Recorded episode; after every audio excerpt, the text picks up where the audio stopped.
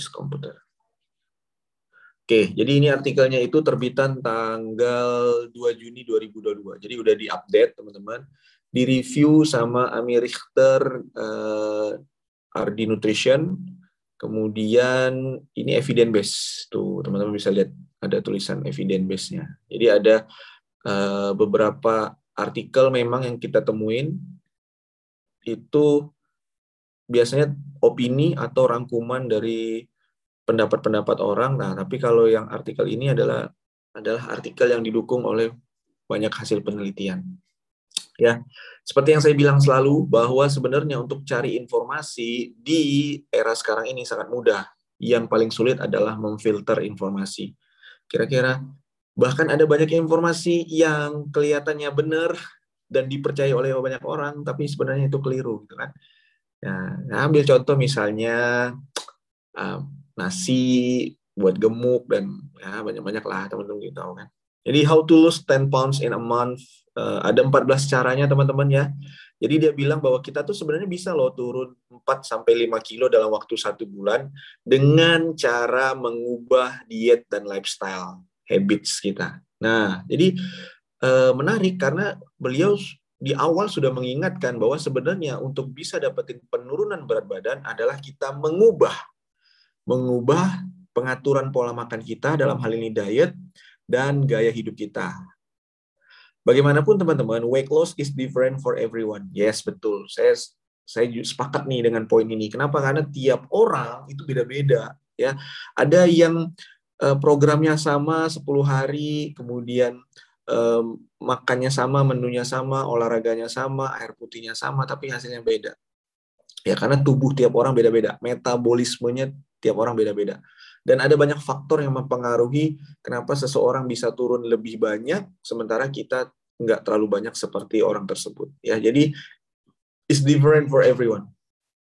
Jadi teman-teman untuk mendapatkan target atau goals penurunan berat badan itu butuh uh, effort atau usaha. Kenapa? Karena ini adalah salah satu tantangan yang besar juga untuk naikin berat badan butuh effort, untuk jaga berat badan butuh effort, untuk turun berat badan itu juga butuh effort.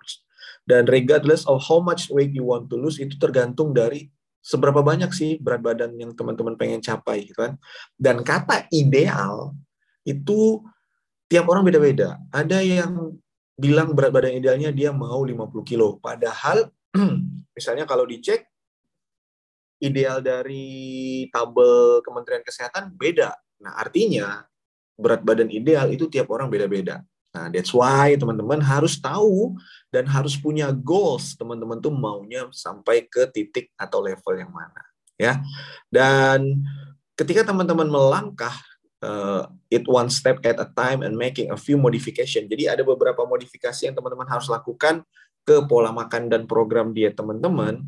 Itu ternyata bisa banget mendapatkan hasil yang cukup optimal dan maksimal selama ini kata kuncinya teman-teman selama manageable selama teman-teman dapat uh, mengaturnya selama teman-teman dapat mempertahankannya selama teman-teman tidak terlalu direpotkan dengan banyaknya modifikasi-modifikasi dalam program diet dan olahraga yang notabene nanti bisa mengganggu Windows activity atau jadwal kegiatan harian teman-teman. Let's say misalnya, kalau mau turun berat badan, kamu harus makan ikan salmon. Ya Allah, kan nggak semua orang bisa beli ikan salmon. Nggak semua orang di daerahnya ada ikan salmon. Nah, jadi jangan sampai teman-teman terjebak dengan modifikasi-modifikasi dari program diet yang akhirnya justru menyulitkan teman-teman teman-teman jadi nggak enjoy, teman-teman jadi nggak nyaman. Terus ada bilang, kalau mau turun berat badan, olahraganya itu harus angkat beban. Ya Allah, gimana mau angkat beban? Boro-boro. Ya, beban hidup, iya. beban hidup. ya, jadi uh, intinya adalah modifikasi-modifikasi yang ada di luar sana itu biasanya adalah personalized, teman-teman ada yang general secara umum, tapi habis itu di personalize. That's why teman-teman Eh, sangat sangat but, uh, di awal-awal teman-teman sangat-sangat butuh pendampingan. Supaya apa? Supaya teman-teman bisa tahu nih strategi-strategi apa yang bisa teman-teman terapkan ke diri teman-teman. Makanya kalau ada ada orang, oh saya maunya uh, angkat beban, saya maunya seperti ini. Belum tentu itu works buat kita. Bisa aja itu works buat dia gitu. Dia bisa angkat beban, tapi kita kan enggak. Kita misalnya ibu rumah tangga, terus aktivitas banyak di rumah, uh, tidak ada kakak yang bantu di rumah, harus antar jemput anak sekolah, ya nggak ada waktu buat kita angkat beban. So, apa yang mesti kita lakukan? Find the strategi. Temukan strategi-strategi yang cocok buat kita yang bisa kita lakukan. Kita bisa pakai body weight, workout, kita bisa investasi misalnya punya dumbbell uh, yang adjust yang bisa ditambah bebannya dari 5 kilo, 7 kilo, 10 kilo. It's okay. Intinya adalah manageable. Ya. Apa pun teman-teman akan bekerja, it works kalau kita bisa manage-nya. Nah, itu kata artikelnya tadi, teman-teman ya. Kemudian dia bilang apalagi Ternyata teman-teman dari hasil penelitian by making a, a some small changes. Jadi mengubah beberapa perubahan kecil itu ternyata bisa membuat teman-teman bisa turun 4 sampai 5 kilo dalam waktu satu bulan. Dan sangat-sangat mudah serta sangat-sangat cepat quickly and easily katanya ya dengan hanya melakukan modifikasi modifikasi perubahan-perubahan kecil dalam aktivitas harian teman-teman. Nah, Pertanyaannya kan sekarang aktivitasnya seperti apa? Oke, nih saya kita share lagi ya. Jadi nomor satu dia bilang bahwa untuk bisa mendapatkan hasil yang cukup maksimal dan optimal adalah try cardio for weight loss. Bukan berarti kita mengglorifikasi atau mewajibkan teman-teman untuk cardio. Teman-teman boleh banget mau strength training, mau yoga, mau pilates, mau crossfit bebas mau uh, high high in, intensity interval training tapi di sini teman-teman kalau teman-teman bisa melakukan dengan cara kardio ternyata dengan menambahkan kardio olahraga kardio ke daily rutin aktivitas harian teman-teman ternyata itu dari hasil penelitian adalah salah satu cara yang paling efektif untuk teman-teman bisa turun berat badan dengan cepat. Faktanya teman-teman, dari satu penelitian yang dilakukan kepada 141 orang yang obesitas ditemukan bahwa dengan 40 menit kardio tiga kali dalam seminggu ditambahkan dengan pengaturan pola makan, itu ternyata bisa menurunkan berat badan itu 9%. Nah, itu dari hasil penelitian ya. Jadi uh, di sini dikatakan bahwa for best result try to fit in at least 20 sampai 40 menit kardio atau 150 sampai 300 menit per minggu. Nah, teman-teman boleh kardio. Uh, kardionya boleh yang dari levelnya uh, low, moderate, sampai yang high. Silakan teman-teman sesuaikan dengan uh, aktivitas teman-teman. Mau jalan, mau brisk walk, jalan cepat, mau jogging, mau boxing, mau sepedaan, mau berenang, dan masih banyak lagi jenis-jenis kardio yang teman-teman bisa lakukan untuk mendapatkan hasil yang cukup optimal dan maksimal dalam program diet teman-teman. Ya, jadi nomor satu adalah kardio. Underline dan bold bukan berarti strength training nggak bisa, bukan berarti yoga nggak bisa, bukan berarti pilates nggak bisa semua olahraga works, tapi dari hasil penelitian, kalau teman-teman pengen dapetin hasil yang lebih cepat, coba tambahkan kardio dalam aktivitas olahraga teman-teman. Ya, walaupun memang uh, tidak harus bilang bahwa kalau mau turun berat badan ya harus olahraga, nggak juga. Mau naik berat badan juga olahraga. Saya juga olahraga untuk jaga berat badan. Ya, terus uh, step yang kedua kata dia perubahan-perubahan atau strategi-strategi yang bisa dilakukan adalah eat fewer refined carbs. Jadi uh, ada beberapa penelitian yang bilang bahwa cutting down on carbs is another simple way to improve the quality of your diet and further weight loss. Artinya di sini dia memberitahukan bahwa teman-teman bisa membatasi, bukan menghindari, bukan artinya tidak sama sekali, membatasi teman-teman membatasi asupan karbohidrat harian teman-teman. Dan itu ternyata teman-teman dari penelitian ini dibilang bahwa it's especially beneficial to decrease your intake of refined carbs. Jadi karbohidrat-karbohidrat sederhana yang lebih banyak kandungan gulanya, terus eh, karbohidrat sederhana dari makanan-makanan yang ultra proses seperti misalnya sosis, nugget dan segala macamnya, itu coba dikurangi. Kenapa? Karena kebanyakan karbohidrat-karbohidrat yang sederhana dengan banyak kandungan gula dan sudah banyak melewati banyak proses, itu ternyata kandungan nutrisi kemudian seratnya juga kurang, teman-teman. Ya, bahkan tidak ada.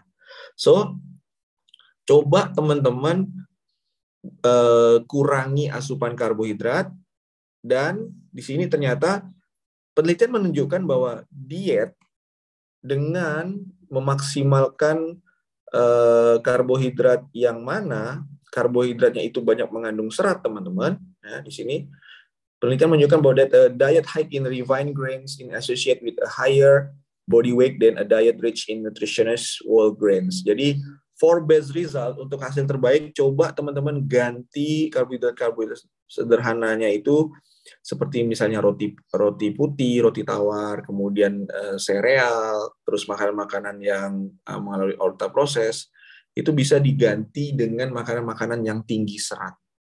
Ya. Boleh misalnya apa? Uh, gandum, kemudian biji-bijian, kemudian uh, beras kemudian ganti juga dengan beras apa sih namanya tuh beras merah, dan segala macamnya. Jadi teman-teman bisa membuat strategi perubahan kecil dari asupan karbohidrat teman-teman. Jadi bukan berarti tidak boleh karbohidrat.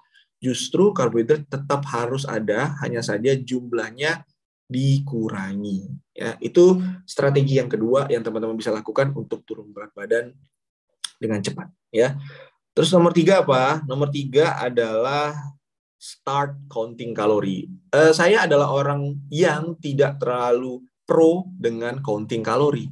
Saya lebih ke kualitatif tracking strategi.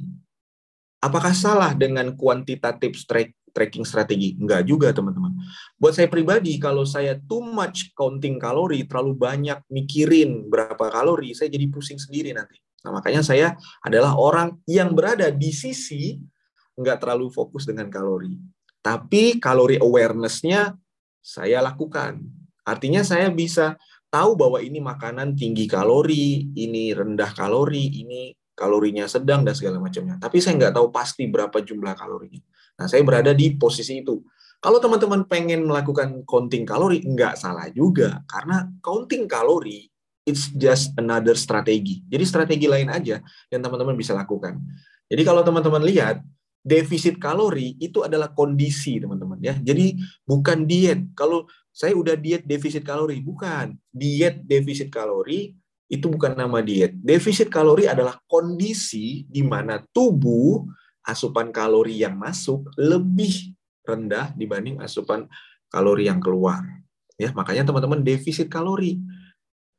Dan kondisi itu bisa didapatkan dengan banyak strategi bisa kuantitatif strategi. Kuantitatif strategi itu adalah menghitung kalori harian, menghitung BMR, menghitung jumlah kalori yang terbakar dan segala macamnya. Pokoknya angka-angka. Yang kedua adalah kualitatif tracking strategi. Jadi nggak terlalu eh, jelimet dengan angka-angka dan segala macamnya. Nah, kalau teman-teman pengen uh, dapetin hasil maksimal dan optimal, salah satu strategi yang teman-teman bisa lakukan adalah counting kalori. Dan ini udah banyak dipraktekkan oleh orang-orang ter oleh orang-orang di luar sana gitu kan. Bahkan kalau teman-teman lihat uh, kisah Kemal Mokhtar, uh, salah satu penyiar radio yang berhasil turun banyak dan perubahannya drastis, dia pernah share bahwa ke mana-mana dia bawa timbangan makanan. kalau itu kan nggak fit aja buat saya gitu. Kalau dia, kalau teman-teman ngerasa fit dengan strategi itu, is okay, silakan. Tapi kalau buat saya jadi ribet nanti. Makanya saya nggak terlalu fokus dengan counting kalori. Ya, nah Kemal Mokhtar udah ngasih tahu nih kalau dia ke mana-mana bawa timbangan, kalau mau makan, misalnya makan waktu itu dia makan ke restoran sushi, dia timbang susinya berapa, terus timbang berapa uh, proteinnya dan segala macamnya. Jadi counting kalori is just another strategi yang mana teman-teman dari hasil penelitian didapatkan dari 37 penelitian yang melibatkan 16.000 orang, ternyata dengan melakukan kalori counting itu dihasilkan average rata-rata mereka bisa turun 3,3 kilo dibanding orang-orang yang tidak melakukan kalori counting. It's just another strategi ya. Dan however, bagaimanapun keep in mind that cutting calorie alone is not considered a sustainable strategy for long-term weight loss. So you will likely need to pair it with other diet and lifestyle modification.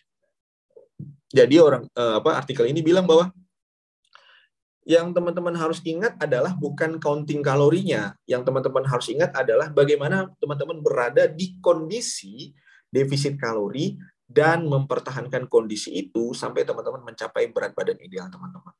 Ya, jadi eh, kalau teman-teman mau mulai counting kalori, silahkan. Karena itu adalah part of another strategi. Silahkan mau dilakukan boleh, enggak juga enggak apa-apa. Eh, intinya adalah goals-nya teman-teman berada dalam kondisi defisit kalori. Oke. Kemudian eh, strategi yang keempat adalah choose better beverage.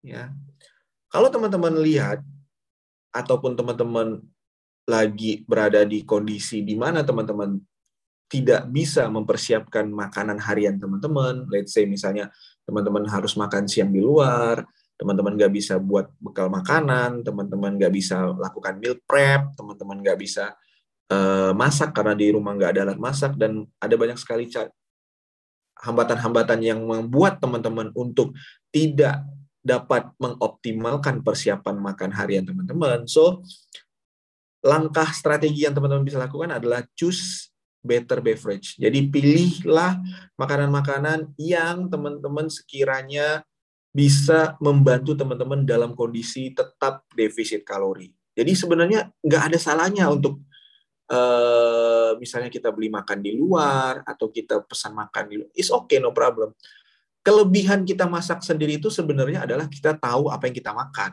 Sementara kekurangannya adalah ada waktu yang harus kita porsikan untuk kita nyiapin makanan. Tapi kalau kita beli makanan, itu kita bisa melakukan aktivitas lain, sementara makanan itu akan segera datang dan disiapkan ke kita. Tapi kita nggak tahu yang kita makan tuh ingredientnya apa, berapa banyak gula yang dimasukin, berapa banyak garam, penyedap dan segala macamnya, apakah ini masih fresh atau enggak, itu kan kekurangannya ya. Jadi ada ada kekurangan dan kelebihan juga. Dan ya nggak nggak salah juga gitu kan. Kalau teman-teman mau masak boleh, nggak masak juga masalah ya.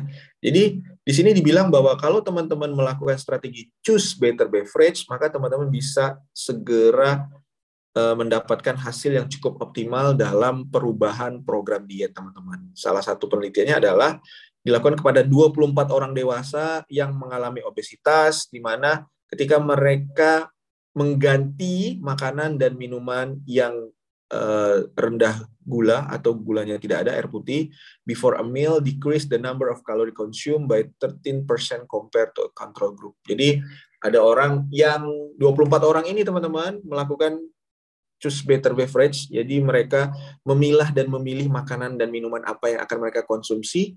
Ternyata hasilnya adalah mereka bisa membuat kondisi defisit kalori dan menjaga kalori defisitnya itu kurang lebih 13% dibanding orang-orang yang kurang paham atau kurang mampu untuk memilah dan memilih jenis makanan. Makanya saya selalu bilang ke teman-teman semua bahwa coba kita belajar tentang kalori awareness dan uh, labeling food yang bisa kita praktekkan adalah memberikan label kepada makanan dan minuman itu dengan makanan tinggi kalori, makanan rendah kalori, makanan tinggi nutrisi, dan makanan rendah nutrisi.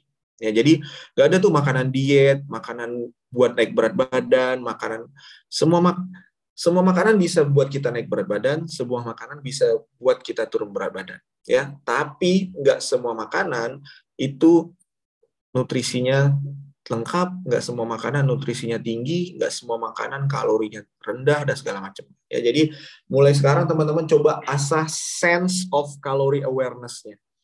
Ini uh, misalnya kita tahu bahwa one portion uh, setengah setengah lusin donat Jeko misalnya kita bisa tahu bahwa dengan makan 6 itu tinggi banget, kalau makan satu is okay. Nah, gitu-gitu tuh kalori awareness-nya coba diasah sense-nya ya. Itu yang strategi yang keempat. Nah, strategi yang kelima teman-teman, ini adalah salah satu strategi yang masuk dalam kategori kualitatif tracking strategi. Ya, kalau tadi kan kuantitatif itu adalah counting kalori, menghitung kalori. Nah, kalau eat slowly, makan dengan perlahan, wah, saya ini jadi ingat anak saya. Anak saya lagi lagi sering-seringnya nyanyiin lagu Nusa. Ya, makan jangan asal makan perut buncit langsung kenyang. Wah, tuh. Cuci bersih tanganmu. Sampai apa saya? Jadi eh, karena waktu ini teman-teman karena gara-gara lagu Nusa saya dimarah sama anak saya. Saya tuh tiup makanan. Dedi jangan tiup, lebih baik dikipas. Wah, kata Nusa tuh kayak gitu.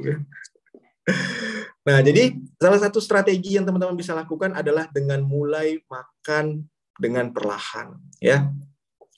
Nah, bahkan kalau di agama Islam pun juga diajarin kan, eat slowly, kunyah, sampai ini baru ditelan, kayak gitu-gitu kan. Nah, jadi ternyata teman-teman slowing down and focusing on enjoying your food while listening to your body is an effective strategy to decrease intake and enhance feeling of fullness.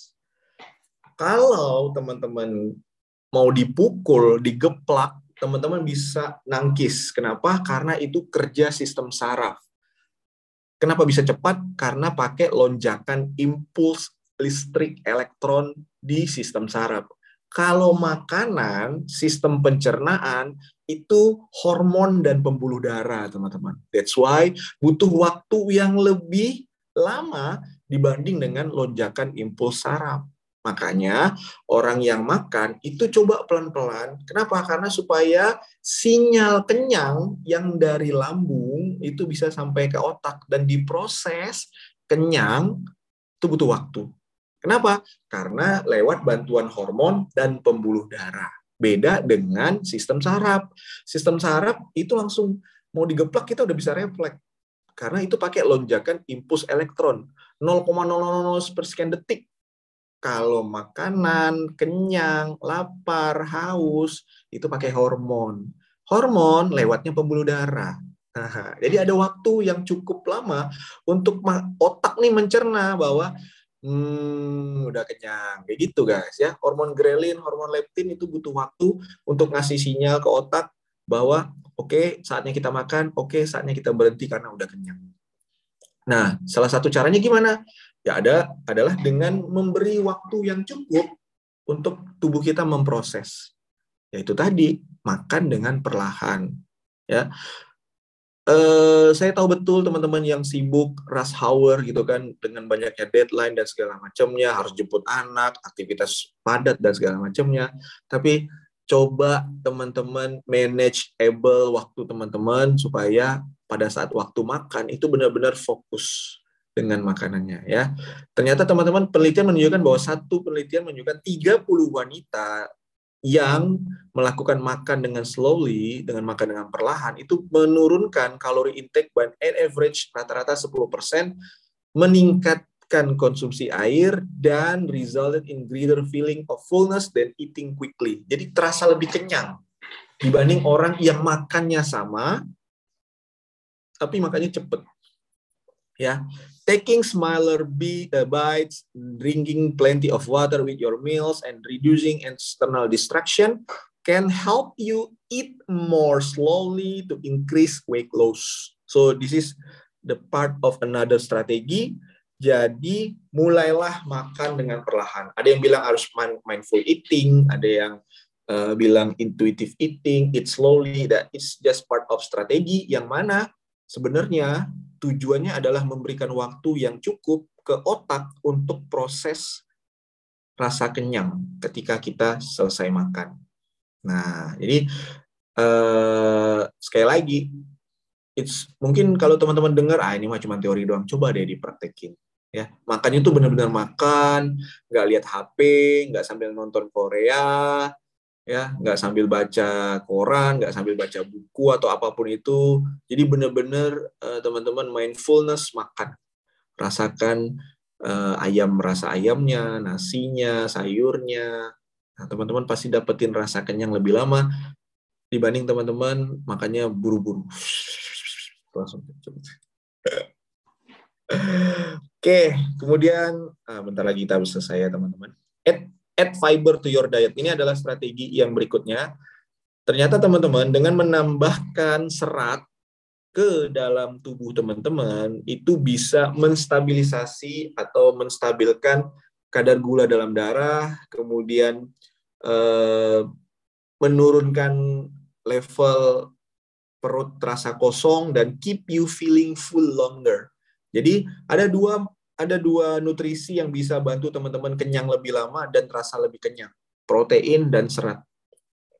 Serat adalah bagian dari carbs, dari karbohidrat, protein, ya protein. Jadi makronutrien, ada dua makronutrien yang teman-teman uh, bisa konsumsi untuk membantu kenyang lebih lama dan uh, terasa lebih full perutnya, satis. Jadi satiety terasa lebih puas makannya itu adalah dengan sayur-sayuran dan protein ya dan banyak sekali hasil penelitian menunjukkan bahwa serat itu memiliki efek yang sangat powerful terhadap program penurunan berat badan. Kenapa? Karena sebenarnya orang orang yang lagi diet itu kan tantangannya apa sih? Tantangannya itu adalah lapar sebenarnya. Cuman itu doang.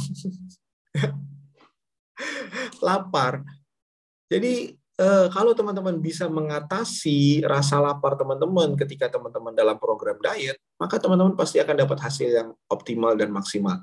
That's why teman-teman karena pengen mengatasi rasa lapar, banyak gimmick-gimmick marketing yang dibuat untuk bisa eh, jadi apa namanya clickbait buat teman-teman untuk mencoba eh, cara strategi tersebut, coba makan ini, maka nafsu makanmu akan ditekan.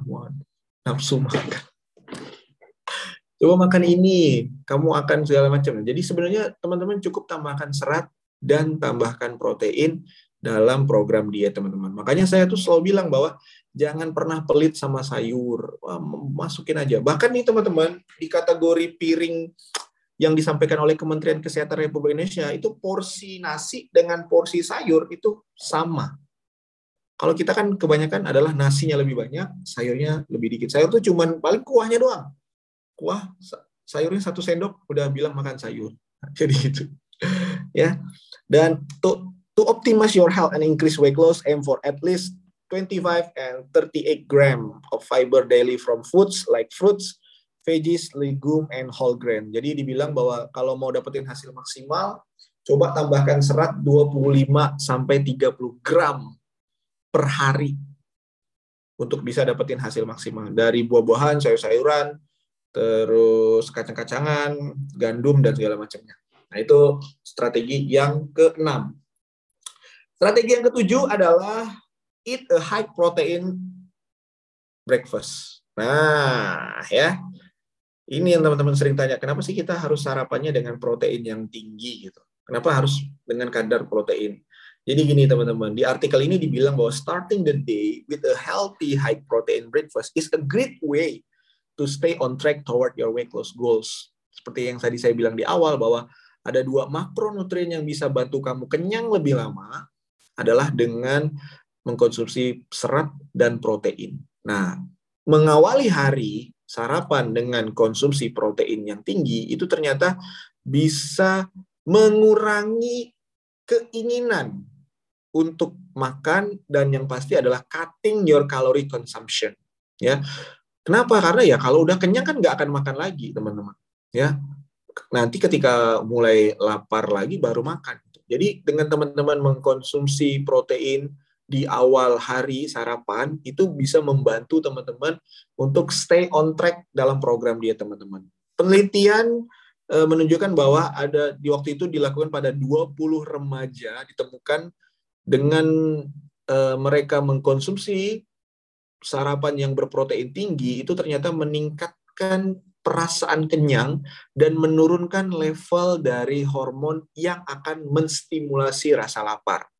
Jadi gini teman-teman, saya ulangi lagi. Ada dua hormon yang bekerja untuk interaksi lapar dan kenyang. Hormon leptin itu untuk kenyang, hormon grelin itu untuk lapar. Sekali lagi, hormon leptin itu untuk kenyang, hormon grelin itu untuk lapar. Ketika teman-teman makan asupan protein di awal pagi, teman-teman, maka hormon grelin akan diproduksi dalam level yang rendah. Sehingga apa? Sehingga teman-teman akan terasa kenyang lebih lama. Ya. Jadi coba konsisten konsumsi uh, awali hari dengan protein ya. Plus multiple study link a higher intake of protein to decrease in body weight and belly fat over time. Ada banyak penelitian menunjukkan bahwa dengan kita mengkonsumsi protein harian yang cukup itu teman-teman bisa menurunkan lemak di bagian perut dari waktu ke waktu secara berkala ya. Ada yang bilang bahwa 1,8 gram per kilogram berat badan. Ada yang bilang bahwa 2,2 gram per kilogram berat badan Intinya adalah teman-teman bisa penuhi kebutuhan protein harian teman-teman dan dapetin hasil maksimal dalam program diet teman-teman ya. Oke, strategi yang ke-8 adalah get enough sleep every night. Ya, ini mah klise tapi banyak orang tahu dan tidak sedikit juga orang yang tidak melakukannya ya dengan uh, karena kesibukan dan segala macamnya sehingga waktu tidur jadi terbengkalai. Jadi teman-teman semua, setting a regular sleep schedule and sticking to it may be another important factor for successful weight loss. Especially if you are trying to lose 10 pounds in a month. So guys, penelitian menunjukkan bahwa eh, orang-orang uh, yang cukup tidur 8 jam, 7 sampai 8 jam itu ternyata menghasilkan faktor yang signifikan dalam hal ini adalah menurunkan level hormon grelin. Ingat level grelin tadi apa? Rasa lapar. Jadi kalau orang-orang yang waktu tidurnya cukup itu bisa menekan dan mengatur nafsu makan harian mereka di keesokan harinya. Jadi misalnya nih teman-teman, kalau teman-teman begadang, teman-teman pola tidurnya uh, apa tidak teratur dan segala macamnya, kurang tidurnya, maka teman-teman pasti besok harinya mood udah pasti, mood udah pasti itu terpengaruh. Kebugaran udah pasti terpengaruh, letih, lemah, lemes dan segala macamnya. Ketidakmampuan untuk memilih jenis makanan juga terpengaruh. Ya, jadi teman-teman makan apa aja, lapar terus dan segala macamnya. Itu biasanya disebabkan karena kurang tidur, ya. Di sini dibilang bahwa do your best to get at least 7 sampai 8 jam of sleep per night, set a regular sleep uh, sleep schedule and minimize distraction before bed to optimize your sleep cycle and reach your weight loss goals.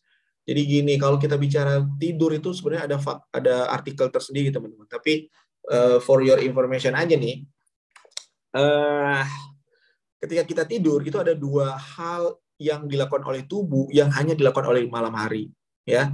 Yang pertama adalah hormon melatonin berfungsi untuk uh, recovery, berfungsi untuk metabolisme, berfungsi untuk ada banyak hal yang berkaitan dengan kesehatan dan kebugaran tubuh kita untuk disiapin di aktivitas esok harinya.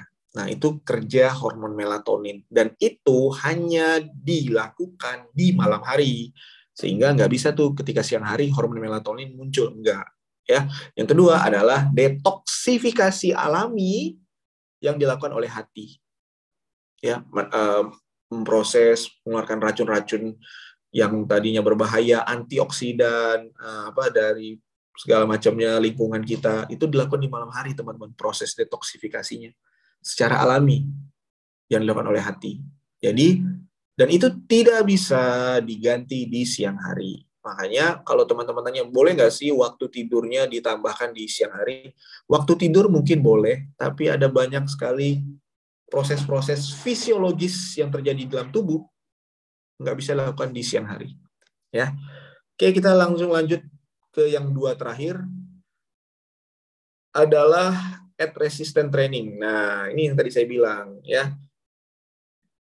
Nomor uh, nomor satu tadi apa? Kardio. Tapi di nomor sembilan dia bilang adalah tambahkan angkat beban. Gimana sih lu ah?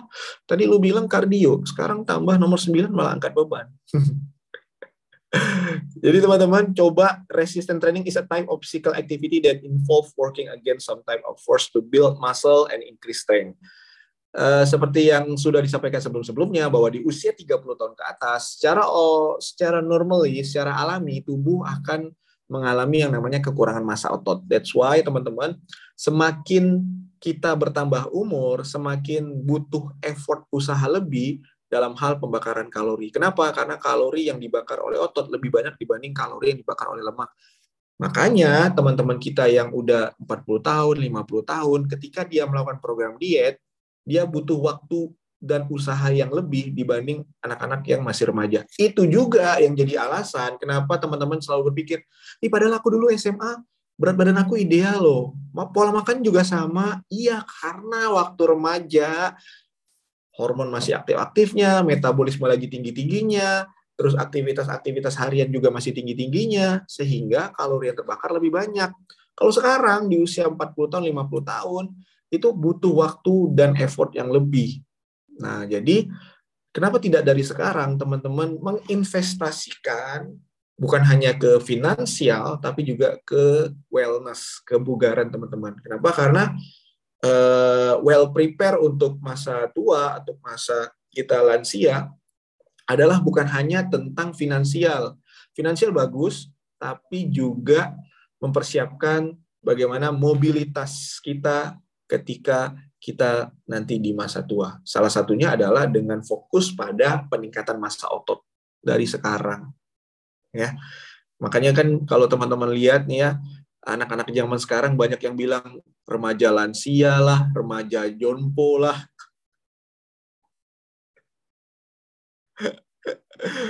Aduh, ada-ada aja. Ini keponakan saya teman-teman baru aja diajak jalan kaki, Om. Capek. Pakai motor aja lah, Om. Ya Allah. Jadi teman-teman resisten training angkat beban ya kalau teman-teman ada waktu ingat teman-teman yang saya sampaikan ini adalah strategi yang namanya strategi adalah tidak bukan tidak. Strategi itu belum tentu cocok untuk semua orang. Jadi pilihlah strategi yang teman-teman bisa lakukan. Nah, salah satu strategi yang nomor 9 adalah dengan angkat beban. Ya.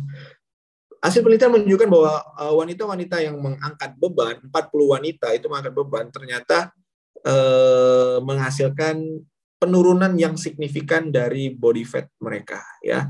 Ada juga penelitian yang dilakukan pada 61 orang mengindikasikan bahwa dengan melakukan resisten training atau angkat beban ternyata meningkatkan kalori yang terbakar ketika dalam waktu istirahat. Kurang lebih 5%. Nah, bagian terbaiknya dari angkat beban sebenarnya adalah ini, teman-teman, ya. Kalau kardio, teman-teman kardio, jogging, jalan, sepedaan, kalori yang terbakar adalah saat kardio aja selesai aktivitas kardio, nggak ada kalori yang terbakar. Kalau angkat beban, teman-teman angkat beban 30-40 menit, kalori terbakar. Selesai angkat beban, teman-teman uh, mandi segalanya beres-beres terus melakukan aktivitas, itu kalori yang terbakar masih berlangsung. Ya, jadi itulah yang membedakan antara strength training angkat beban dengan kardio. Mana yang lebih bagus? Bagus dua-duanya. Ya. Dan yang ke-10 adalah guys, this is the strategi. Sekali lagi, ini strategi. Ya, nomor 10 dia bilang apa? Intermittent fasting. Dengan cara mengatur uh, waktu makan, jendela makan, boleh puasa, ya, puasa Senin Kamis, puasa Daud, bebas hari, atau apa pun itu. Ya intinya adalah teman-teman bisa lakukan intermittent fasting. Sekali lagi, ini hanya strategi dan tidak semua strategi itu cocok ke semua orang ya. Kalau intermittent fasting ini biasanya kalau di Indonesia yang eh, getol banget adalah Aderai, ya. Aderai selalu sharing tentang intermittent fasting. Apakah itu bagus? Ya, mungkin buat orang itu bagus. Kalau saya adalah orang yang getol dengan puasa Senin Kamis. Jadi ya sama aja mau intermittent fasting, mau puasa ya silakan teman-teman. Ya itu strategi aja. Ya. Tapi kalau misalnya teman-teman mau puasa Senin Kamis, saya sarankan adalah intentionnya, niatnya adalah nawaitunya adalah ibadah, ya, mendapatkan berkah, bukan bukan untuk turun berat badan, turun berat badan, aduh. Ya, jadi uh, nanti kita akan ada bahasan tersendiri lah tentang intermittent fasting ya, karena udah banyak banget teman-teman senior yang nanyain, coach saya boleh nggak program dietnya? Uh, uh, dikombinasikan dengan IF, IF 6 jam, IF 8 jam. Ya, nanti kita akan bahas sendiri lah ya intermittent fasting. So, uh, kurang lebih itu adalah 10 strategi yang teman-teman bisa lakukan untuk mengenhance atau memaksimalkan program diet teman-teman sekarang. Nomor satu, ingat lagi tadi nomor satu adalah kardio. Nomor dua itu adalah makan makanan yang karbohidratnya dibatasi. Nomor tiga adalah dengan mencoba menghitung kalori. Nomor empat, choose better beverage, ya, memilah dan memilih makanan dan minuman. Nomor lima, eat slowly. Nomor enam adalah tambahkan serat harian. Nomor tujuh, tambahkan dan mulai awali hari dengan protein, ya sarapannya dengan protein. Nomor delapan itu adalah get enough sleep, tidur yang cukup. Nomor sembilan adalah tambahkan angkat beban. Dan nomor sepuluh adalah teman-teman bisa lakukan EF atau intermittent fasting. Oke, saya rasa itu aja teman-teman ya eh, terkait 10 cara strategi yang teman-teman bisa lakukan untuk memaksimalkan program penurunan berat badan teman-teman. Next kita akan bahas artikel-artikel lain dan uh, saya rasa ya itu aja.